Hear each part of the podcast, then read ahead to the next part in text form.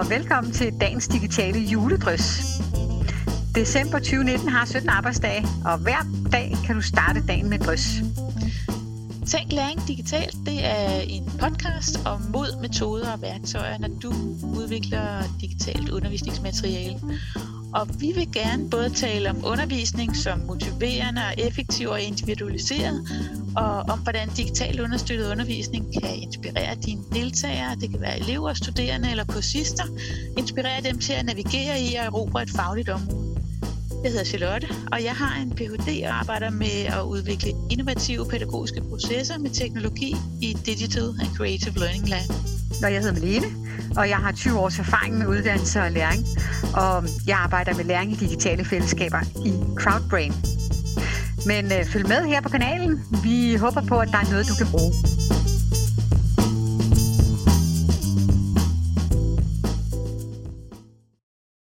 Dagens emne, det er teknologiforståelse. Teknologiske udfordringer, når vi digitaliserer vores undervisning. Ja, og jeg kunne faktisk godt tænke mig øh, at starte et andet sted, eller sige, jeg synes jo faktisk, det her afsnit handler om mod. Det handler om mod til at kaste sig ud i nye designs, som man ikke har prøvet før, og mod til at prøve nogle ting af i undervisningen. Det handler også om mod til at slappe af, selvom at projektoren driller, eller at øh, der ikke er strøm på computeren. Alt det, der ellers driller i det der undervisningsrum. Jeg, jeg ved, Charlotte, at du øh, ser, at teknologiforståelse det er sådan et redskab til mod. Kunne du ikke fortælle lidt om det?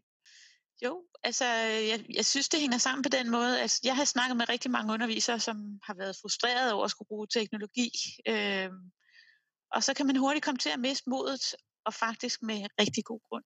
Øh, så det er jo sådan lidt, det kan være en kæmpe frustration, øh, at, at man ligesom skal tage det her teknologi ind, ind imellem. Men nu, hvis vi nu skal have nogle redskaber til at komme ud over frustrationen, og så finde noget mod til at kaste os ud i at digitalisere vores undervisning alligevel, øh, uanset om det er noget, man selv har besluttet sig for at gøre det her med at bruge noget teknologi, eller man synes, det er en præmis, man bare er blevet udsat for øh, i sin uddannelsesorganisation, så kan det faktisk nogle gange hjælpe at pille det sådan lidt fra hinanden. Øh, altså kigge på, hvad er det, hvad er det, der er på spil her, og se nuancerne i det, og se nuancerne i, hvad der kan være svært, øh, og så få nogle ord på det.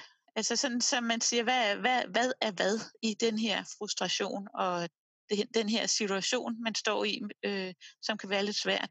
Så hvis man nu får nogle ord på den her teknologiforståelse, så man kan bruge til at diskutere med i sit øh, faglige fællesskab, sit lærerteam, eller hvor det nu er, man snakker om sådan noget.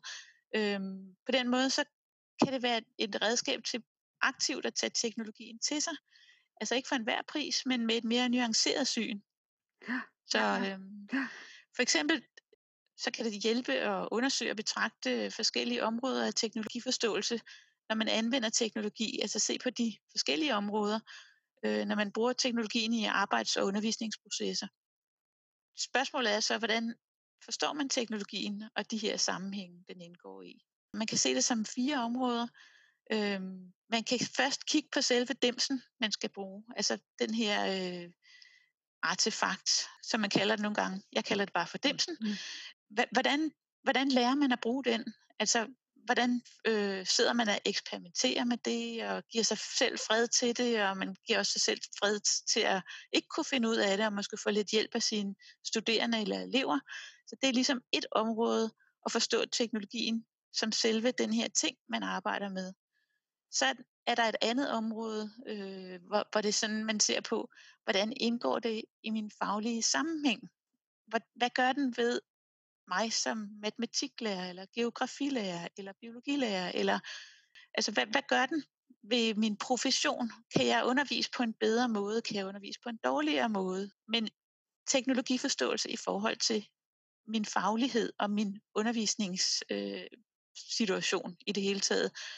Og så kan man se på, jamen, hvad betyder det for hele min organisation? Altså for eksempel sådan noget med intranet, øh, eller sådan noget, hvor man på en folkeskole deler oplysninger med elever og lærere og organisation et sted. Hvad gør det ved hele relationen til forældrene for eksempel? Der, man kan også se på det andet, noget andet organisatorisk, at organisationen har besluttet, at alle skal have iPads. Hvad betyder det? Og hvad betyder det, at, at der er nogen, der bestemmer, at jeg skal gøre et eller andet. Altså, og hvordan kan jeg indgå i de der processer?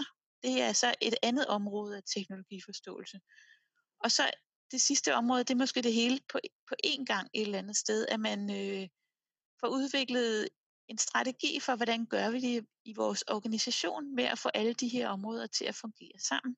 At man udvikler en forståelse af det, og øh, at man virkelig sørger for, at øh, organisation på ledelsesplan og organisation på underviserplan, de snakker sammen, sådan, så det foregår bedst muligt, og ikke sådan, så man føler, at der er noget, der bliver presset ned mm. over hovedet. Mm. Og det stammer lidt fra den, der hedder TECO-modellen, som vi kan linke til den her form for teknologi. Ja. Men hvad med dig, Malene? Har du noget at supplere? Jamen, jeg synes jo, at øh, du, man kommer godt og langt omkring teknologibegrebet ved at have de her fire kasser, som du har snakket om. Øh, men jeg synes også øh, noget, der på en eller anden måde er interessant, det er Evalueringsinstituttet, de har lavet sådan en undersøgelse af teknologifokus i sundhedsuddannelserne. Mm. og der, der er sådan i hvert fald to af de der elementer, som jeg synes, der er interessant, og som supplerer det, du siger, nemlig det her med, hvordan at underviserne øh, understøtter andres anvendelse af teknologi. Altså, hvordan støtter de for eksempel op om, om de studerende eller dine elever. Nu er det her så sundhedsvæsenet, og det er borgere. Men det der med perspektiv om, hvordan det støtter andre. Og så synes jeg, at der er den, der hedder at reflektere etisk og kritisk over teknologi. Hvordan kommer det til udtryk i undervisningen? Ja. Nå, men men, øh, men det var bare sådan et lille kort supplerende, Charlotte, for vi startede med at tale om, at det handlede om mod. Lige præcis, ja. Øh, ja. Altså, så ja. Så den måde teknologiforståelse af mod kunne hænge sammen på, det er, at man måske ved at udvikle sin teknologiforståelse kan blive stærkere øh, og kan tale om det her og øh, decifrere sin eventuelle frustration og blive klogere på hele området sådan som man får mod til at give sig i kast med at digitalisere, og nogle gange på trods af, at det kan være svært. Ja. ja. Dagens spørgsmål, det er, hvilke ord bruger du om teknologi i forhold til din egen undervisning, og hvad gør teknologien ved dit fag?